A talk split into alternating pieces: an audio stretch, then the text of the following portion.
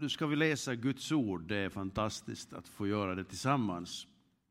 Under den senaste tiden så har jag blivit påmind om det här bibelstället som det här temat kommer ifrån.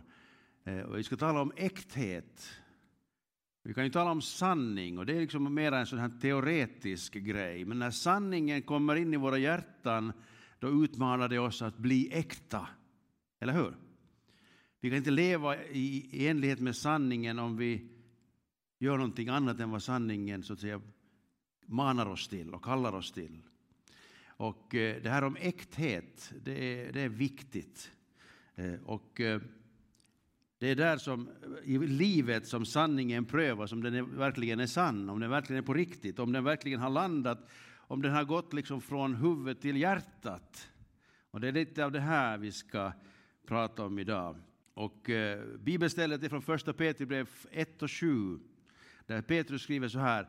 Äktheten i er tro är långt mer värd än guld som är förgängligt men trots ändå prövas i eld. Guldet ska prövas i eld så att det blir bara rent äkta guld kvar, eller hur? Så det här orena försvinner och det kvar blir äkta vara. Och Petrus han skriver till församlingarna uppe i, i mindre Asien, där nuvarande Turkiet, där fanns många församlingar. Vi läser om dem på olika sätt. Paulus skriver till dem. Eh, Johannes får uppenbarelse från Jesus att skriva brev till församlingarna där. Och Petrus skriver också till de här församlingarna. Ganska unga, små församlingar som fick uppleva mycket motstånd. Och då säger han så de här insiktsfulla orden äktheten i er tro är mycket mer värt än guld. Vi kommer till det här lite, lite mera. Under de senaste veckorna har jag blivit påmind om att alla människor är inte så glada. Här innan jul i adventstiden så prydde vi ju de här buskarna med, med fina ljus, eh, sådana slingor. Kommer ni ihåg dem? Jättefint när det är mörkt speciellt så ser det ut som en, en riktigt smycke här i, betongdjungeln. Eh, vår, våran uppfart här mot det här. Sen märkte vi att någon, någon dag så, så låg de här lamporna på, på gruset bredvid och några var helt slocknade. Eh, och då vi förstod vi att någon hade varit där och, och dragit i dem på något sätt. Och så satte jag dem tillbaks och någon fungerade, någon fungerade inte och det blev ganska bra. Sen hade vi ju vår God julkonsert och vi prydde ytterligare gården då med lite marschaller. Och medan vi hade konsert här så hade någon då funnit för gott att ta marschallerna och slänga upp stearinet längs med dörren och väggen och fönstren där. Eh, och eh, på nyårsafton så var det raketer och, och smällare igång och någon hade också funnit det för gott att sätta en sån i vår postlåda så den hade liksom fått sig en liten ett tryck inifrån och lossa lite lock och sådär. Jag tror att Kjell har fixat det redan, men det är i alla fall sånt här. Och igår, nej inte igår, men på torsdag kväll när jag var här eh, i kontoret eh, och hade visserligen rullgardinen eller spelgardinen lite för så jag såg inte ut, men jag hörde några pojkröster utanför fönstret. Och jag tänkte att jaha, men det är intressant. Så jag gick sedan upp här eh, och tittade och vad, vad är det här för folk? I verket försökte jag öppna spelgardinen och den rasade ner och det var liksom lite dramatiskt så de fick lite tid på sig att, att försvinna. Men när jag kommer ut så då är de alla bortrivna de här ljusbanden igen så att eh, nu har vi inga kvar den här säsongen mer utan vi tar nya tag nästa, nästa advent tror jag. Eh, när jag kom ut då så såg jag att det var, det var ett par stycken unga killar som, som försökte gömma sig bakom grävmaskinerna och grejerna där på, på byggarbetsplatsen. Eh, så de har nu hållit på med det här ett tag eh, återkommande. Jag vet inte om de, om de råkar gå här förbi allt för ofta så de får sådana idéer. Och, eh, och, och det här är ju förstås, första reaktionen är ju liksom irritation. Att varför ska man nu liksom ha roligt på andras bekostnad på det här sättet. Och, och voi, voi, vi har försökt ha det fint här och så är det någon som ska förstöra det och så här. Men det här har ändå gett, lett mig till, ett, till den här, det här bibelstudiet som vi ska ha idag.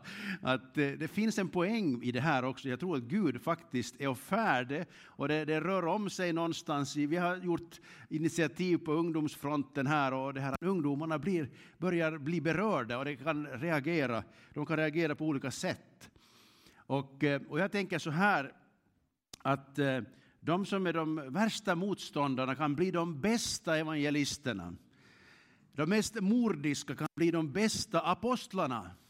Och jag säger att de, de lever farligt, de här unga gossarna, för nu hamnar de att bli föremål för församlingens förböner. Så det kan gå riktigt bra för dem. Förstår ni tanken här? Att vi ska inte låta det här nu slå oss ner och göra oss rädda, utan det här ska vi ta som ett initiativ från Gud själv att nu ska vi be för ungdomarna i Sibbo. För de här speciellt som redan är så nära kyrkan att de är vid väggen, vid dörren praktiskt taget. Visserligen fortfarande på fel sida, men snart är de på insidan. Om vi ber för dem, eller hur? Ska vi inte göra det?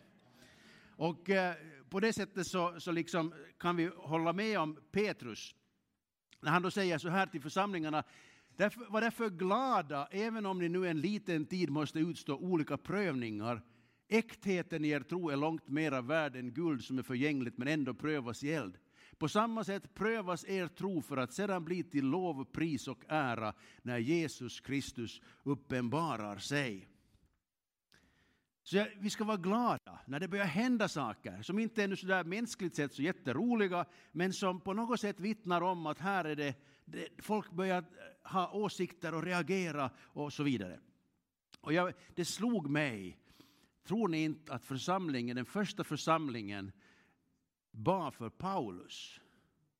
För de hade ju hört om honom hur han andades mord, hot och mordlust som det står. Jag tror de bad för honom. Och han hamnar i, liksom, i, i, i liksom, hur ska jag säga, utför det att Gud möter honom i ett ljussken och han, Gud, Jesus talar till honom direkt.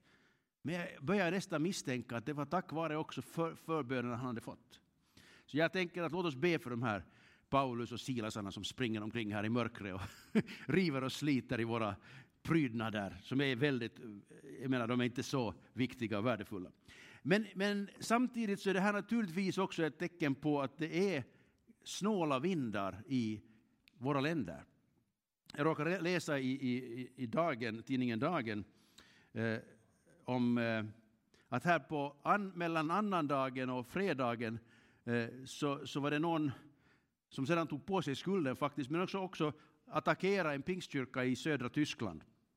De sprayade lila färg över hela väggen och ingången till kyrkan. Och så på parkeringsplatsen utanför så stod det församlingens buss, eller så här minibuss eller skåpbil. Och den tuttade de eld på så den brann upp och förstördes. Och så var det då en, som det beskrivs här, då, en, en radikal feministgrupp som tog på sig äran eller skulden för den här, det här dådet. Och någonting är det ju med evangeliet och med kyrkan som irriterar vissa människor och stör människor på något vis. Och jag tror vi också känner av det i Finland, även om vi fortfarande lever i ett väldigt lugnt hörn ändå av världen. Först var de ju chockade naturligtvis här, men eh, pastorn där i, den här församlingen, han säger så här att, att ehm, Eh, församlingen är chockad över attacken, men tyvärr är vi inte förvånade eftersom vi upplever ett hårdnande och allt mer fientligt klimat för evangeliskt kristna. Det har tidigare också förekommit hot mot kyrkan, speciellt från vänsterhåll av någon anledning. Men vi, vi, kommer inte att låta detta hindra oss från att fortsätta predika evangeliets budskap om försoning. Vi predikar försoning i våra gudstjänster och genom våra gratismåltider till människor i nöd. Alla är välkomna hit.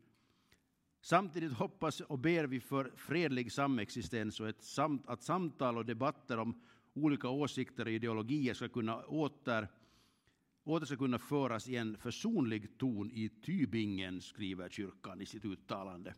Så att eh, det här är ju bara små krusningar. Vi vet att kristna i många länder har det mycket, mycket, mycket, mycket svårare än så här.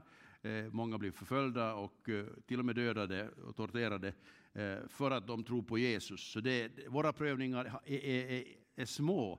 Men ändå, på något sätt är det samma sak som vi får uppleva i vårt inre. Hur ska vi hantera det här?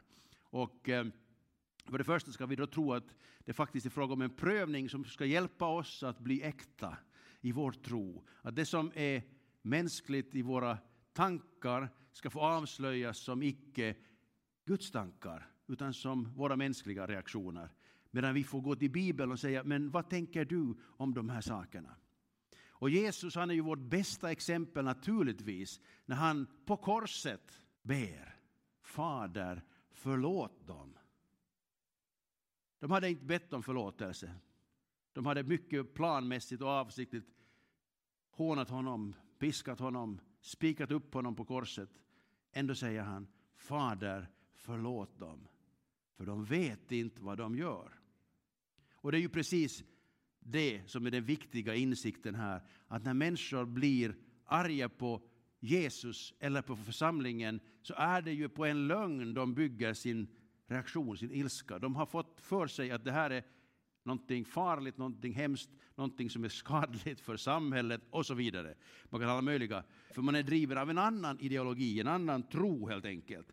Men framförallt så finns det en fiende till Kristi kors som inspirerar människor till mycket elände. Men vi ska läsa Bibeln så vi förstår hur Gud tänker och hur han handlar i de här situationerna. Vi läser lite mera ur första Petri brevs första kapitel. Det är ett väldigt innehållsrikt eh, kapitel och hela brevet är värt att läsa flera gånger om. Eh, jag tänkte faktiskt förgylla er dag med en liten gåva. Eh, tyvärr är den här bara på svenska, vi måste få lite hjälp med översättningen så ska vi göra den på finska också. Men det här är en liten sån här eh, bokmärke kan man säga, som man kan sätta i sin bibel. Och här står det då förstå bibeln. Det här för att hjälpa oss att läsa bibeln så att vi förstår den. Och här finns det några sådana kom ihåg-regler. Vad lär vi oss om Gud när vi läser den här texten? Eh, vad lär vi oss om människan? Och vad lär vi oss om relationen till Gud och vad lär vi oss om relationen till andra? Och så finns här också fyra punkter på hur man kan tillämpa det man har läst. Så att eh, ni får en riktigt bra början på det här året genom att ni får den här, eh, det här hjälpmedlet för er bibelläsning. Och eh, vill ni använda den så är ni välkomna och vill ni inte använda den så kan ni ge den åt någon annan. Skulle någon kunna dela ut den här åt allihop? Alla är där. Det borde räcka åt alla, tror jag. Och den finska versionen kommer nästa vecka hoppas jag. Vi ska fortsätta läsa alltså första Petri brev. Eh, och eh, den där lilla, lilla metodlistan som finns på den här lappen, den, den kan ni redan direkt tillämpa. Den första frågan här, vad säger det här om Gud, det som vi läser i Bibeln? Och Petrus har skrivit så här till de här församlingarna. Välsignade vår Herre Jesu Kristi Gud och Far, i sin stora barmhärtighet har han genom Jesu Kristi uppståndelse från de döda fött oss på nytt till ett levande hopp till ett arv som aldrig kan förstöras, fläckas eller vissna och som förvaras åt er i himlen. Med Guds makt bevaras ni genom tron fram till den frälsning som är redo att uppenbaras i den sista tiden. Vad gör Gud med oss, är frågan. Om vi delar upp den lite så här i två delar så är det lättare att, att upptäcka vad Gud gör med oss. Ibland är det ju så här, och jag blir ibland så här lite små irriterad på på, på uttalanden som, som vittnar om att människor tror att kristendom är bara en fråga om att lära sig och sen försöka göra så gott man kan.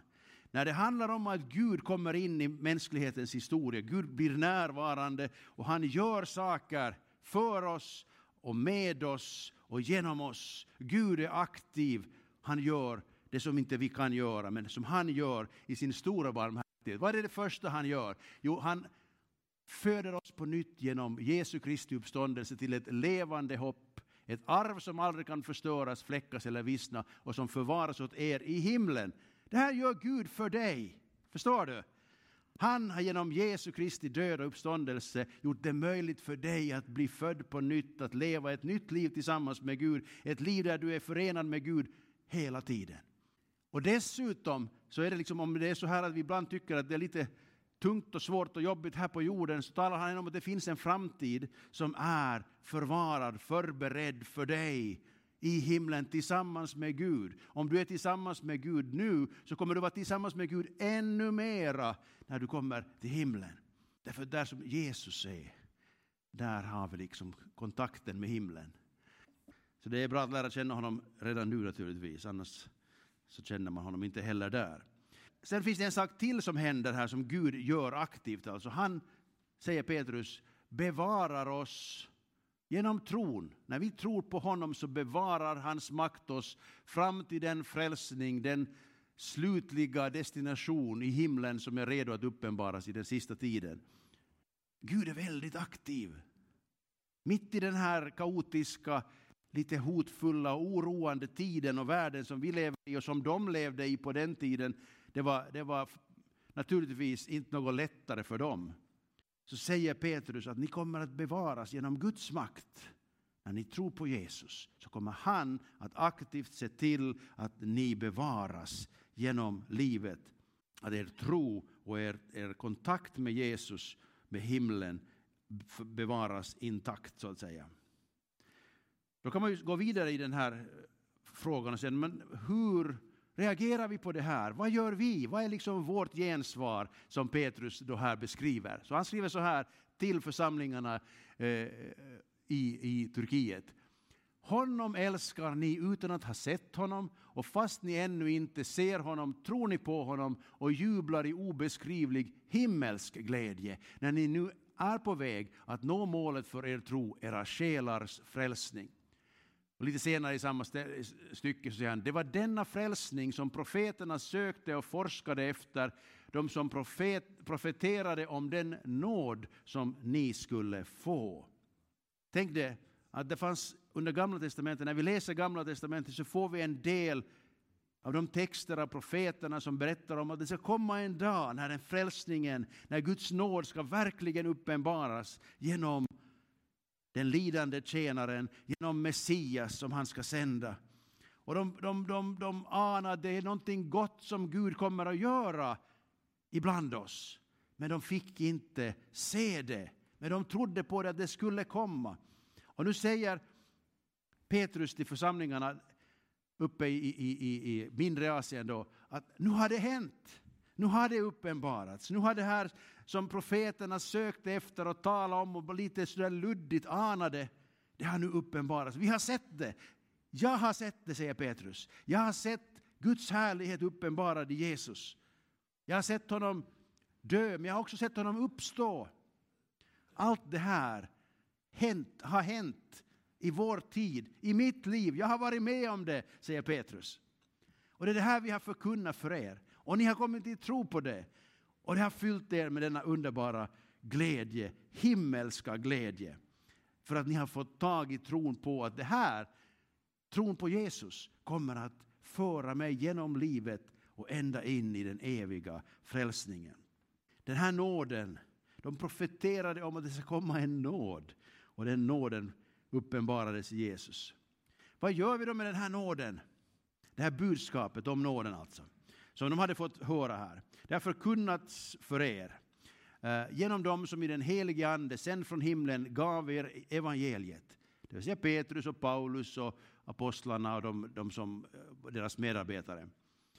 Eh, ett budskap som änglar längtar att få blicka in i Alltså, det här är ju ett fantastiskt perspektiv på vad frälsningen innebär. Någonting som inte ens änglarna riktigt förstår, någonting som profeterna inte kunde få vara med om eller se hända i deras tid. Det är Petrus och lärjungarna och de här församlingstroende uppe i mindre Asien, de är mitt uppe i det här att de har fått uppleva någonting som inte ens änglarna vet riktigt vad det handlar om.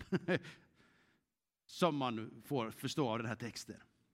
Och så säger han så här, spänn därför bältet om livet, var vakna och hoppas helt och fullt på den nåd ni ska få när Jesus Kristus uppenbarar er.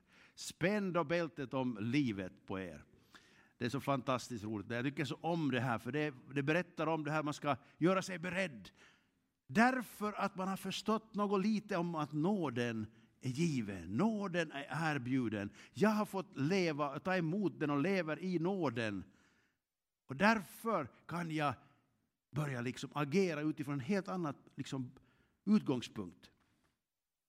Och så talar han ju mycket om hur vi ska lämna bort allt det där onda, sluta upp med det där gamla livet som var destruktivt. Det här som bygger på lögn, som bygger på eh, själviskt begär, som bygger på att, att jag inte lever utifrån kärleken och sanningen. Och det här är väldigt parallellt liksom med hur Paulus undervisar. Han berättar om nåden. Och så berättar han, nåden vill leda dig till en insikt att det där som du tidigare trodde var så viktigt, det som du tidigare trodde var så värdefullt, det kommer Bibeln att bit för bit att avslöja som lögn, som ont, någonting som river ner, som river sönder, som förstör. Synden är aldrig bra. Och det är nåden som vill ta oss ut ur synden för att vi ska kunna göra oss av med den. Och det här är ju nog som vi alla vet en, dels en sak som Gud gör med oss, att han ger oss nåden och rättfärdiggörelsen. Men sen finns det nog också en resa av upptäckter, upplevelser och insikter där vi börjar inse ja men det här är nog också hör till det gamla livet. Det här är något som inte är bra för mig.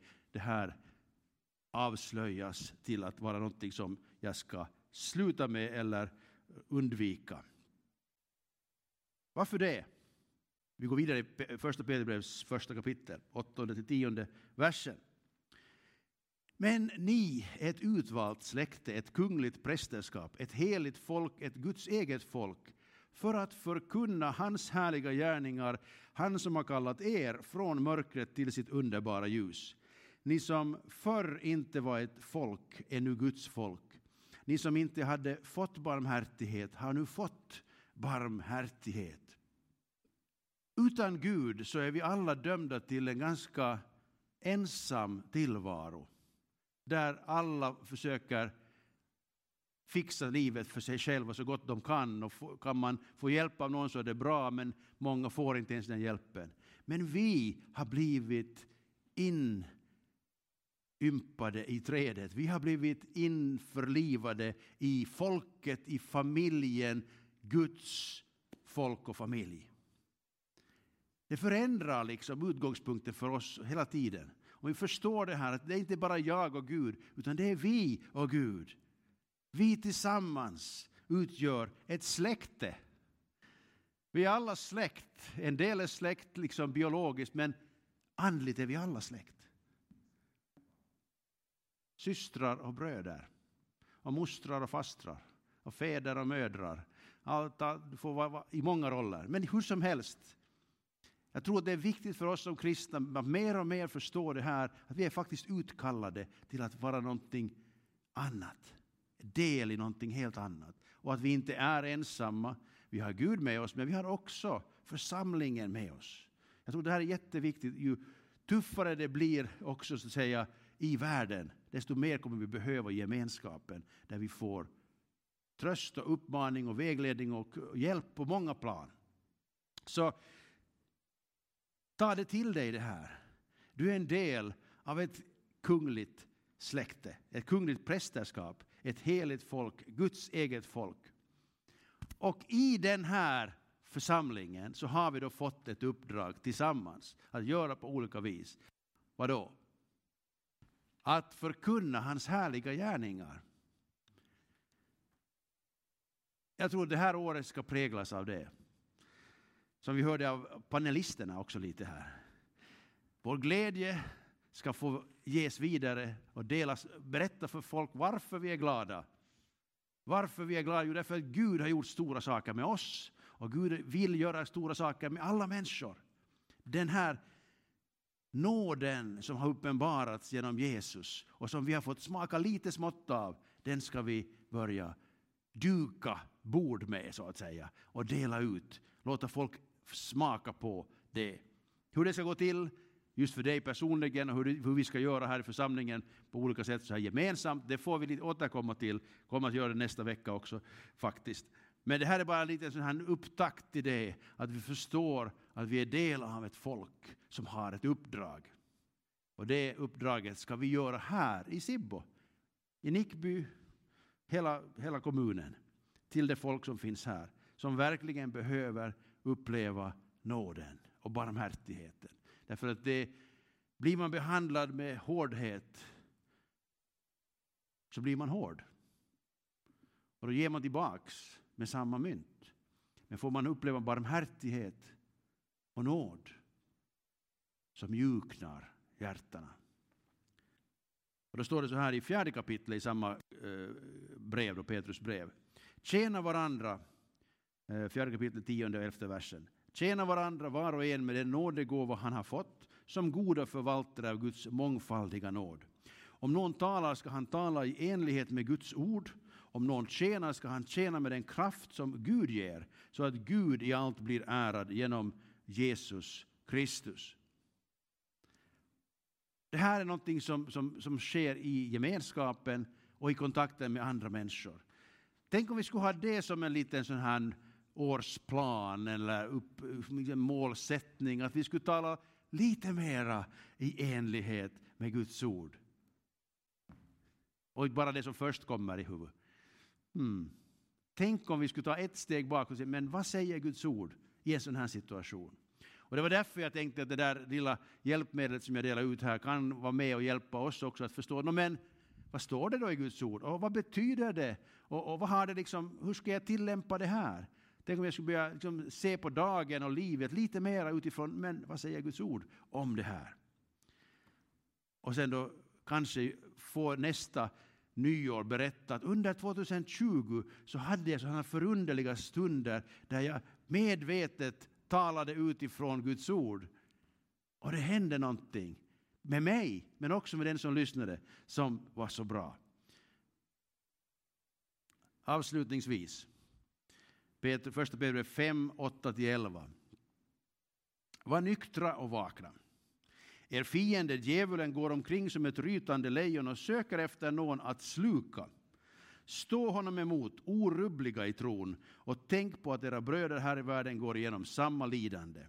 Efter en tids lidande ska all nåds Gud, som har kallat er till sin eviga härlighet i Kristus, upprätta, stödja, styrka och befästa er. Hans är makten i evighet. Amen. Det finns ett lidande, både ett inre och ett yttre. Det finns en kamp att kämpa. Det finns också en fiende att stå emot. Men vi har här ett löfte att all nåds Gud, all nåd, smaka på det, all nåds Gud som har kallat dig till sin härlighet, till sin eviga härlighet. Han ska upprätta, stödja, styrka och befästa dig. Behöver du uppleva det här, mer av det här? En, en lite dålig retorisk fråga. För jag vet ju att det här behöver både jag och du uppleva. Att Gud fortsätter att jobba med oss, att avslöja lögnen och synden så att vi kan vända oss bort ifrån det. Och så att vi kan upptäcka sanningen i nåden och kärleken och friden hos Jesus. Så att vi kan leva mer och mer i det. Det här är en, pågående process. Och det är en, ibland kan det vara lite upp och ner för, eh, förstås, naturligtvis. Men det goda är ju att Gud är all nåds Gud. Så när du märker att du har trampat bredvid, så att säga, när du har misslyckats, så är det ju inte så att nu ska du leva i bot och bättring i 50 dagar och sen kan du kanske komma tillbaka och säga Gud, nu har jag nog bättrat mig. Utan det är ju där i den här brottningen som du ska säga Gud, det är, bara, det är bara du som kan göra mig rättfärdig. Det är bara du som kan befria mig från syndens lögn och bedrägeri och makt. Det är bara du som kan göra mig till en sån som du vill att jag ska vara. Det är bara du som kan locka fram sanningen och göra mig till en äkta Guds efterföljare.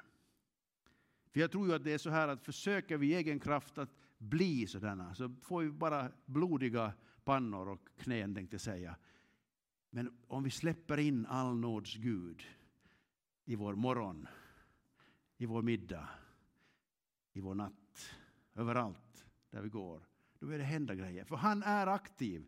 Kommer ni ihåg vad jag läste i början? Gud, han gör saker med oss, bara vi släpper in honom. Och han är all nåds Gud. Så, läs Petrus brev med den här lilla nyckeln till förståelse av bibeltexten. Och du ska upptäcka en massa saker om både Gud och om människorna, om vad han vill göra med oss. Både i vår gemenskap men också i vår egen personliga kallelse. För det, finns saker han vill göra här i Sibbo fortfarande, eller hur? Det finns unga människor han vill nå med evangeliet, det är många människor han vill frälsa, vill döpa i den helige Ande och vill ansluta dem, insluta dem i sitt eget folk, i sin familj. Att människor som är ensamma ska få uppleva att det finns en gemenskap. Att de som inte har något hopp ska få ett hopp. Jag undrar hur många människor i Sibbo det finns som kämpar med hopplösa känslor och hopplösa tankar. Med tanke på att jag klarar inte av mitt liv. Ingen bryr sig. Ingen hjälper mig. Jag går under. Och vi vet tyvärr att många människor i sin nöd och i sin ensamhet gör desperata saker som inte är bra för dem och inte för någon. Tänk om vi skulle i det här året få nå fram med lite glädje, lite hjälp, lite försmak av himlen med oss till människor som kämpar en väldigt ensam kamp. Det var en liten början på året. Ska vi be? Herre, jag tackar dig för att du ständigt vill påminna oss om din närvaro i våra liv. Tack för att du är en underbar frälsare som förstår vilken kamp vi har, som vi går igenom, Herre, på det personliga planet, kanske i relationella planet, kanske på det ekonomiska området eller på vilket område som helst i livet. Herre, du känner vår kamp och vår nöd. Och jag tackar dig för att du också idag vill påminna oss om att du är aktiv i våra liv. Du vill låta din nåd verka så att vi får känna din frid, din närvaro, din härlighet börja bubbla fram inifrån vårt inre. Och jag ber helige Ande att du ska hjälpa oss att förstå Bibeln när vi läser den, kunna ta det till oss och kunna leva i det. Hjälp oss att kunna tillämpa det, den undervisning som du ger åt oss gång på gång, vare sig det är sen i vår ensamma bibelläsning eller om det är det som förkunnas i, i kyrkan här. Jag tackar dig för att du inte har, har på något sätt lagt av, Herre, utan du vill göra mera i vår gemenskap och i den här Eh, församlingen och i den här kommunen. Vi ber för de här unga som, som på olika sätt lever ett oroligt liv här. Vi ber den här stunden att de ska få ett möte med dig som Paulus eller som andra som har, som, så säga, har kämpat med ilska, med, med hat och med, med olust och allt möjligt. Herre, jag ber att du ska verkligen eh, ge dem ett möte med dig på ett eller annat vis, Herre. Jag ber om möjligheten också för oss att ha kontakt med fler och fler unga, Herre, och bli en familj, en öppen famn, en, en familj som kan ta emot mera medlemmar helt enkelt i familjen. Herre, jag ber att vi ska kunna verkligen öppna dörrarna på det sättet, Herre, att människor känner att här kan jag vara med, här får jag komma med. Här, fast jag är trasig, fast jag är olycklig och fast jag är vad som helst, så får jag vara med. Herre, ge oss nåden att vara den här öppna familjen, Herre, som, som släpper in nya människor in i gemenskapen, som aktivt drar in människor i den här gemenskapen för att de ska få möta dig, för att de ska få bli helade, för att de ska få hjälp på alla möjliga områden i livet. Herre, vi ber för det här året som kommer, Herre. Tack för att du vill fortsätta leda oss och fostra oss. Tack för att du fortsätter att uppenbara dig för oss. Tack för att du ger oss kraft, Herre. Tack för att du upprättar oss och du stödjer oss och du styrker oss. Hjälp oss att varje dag börja med dig. Amen. Amen.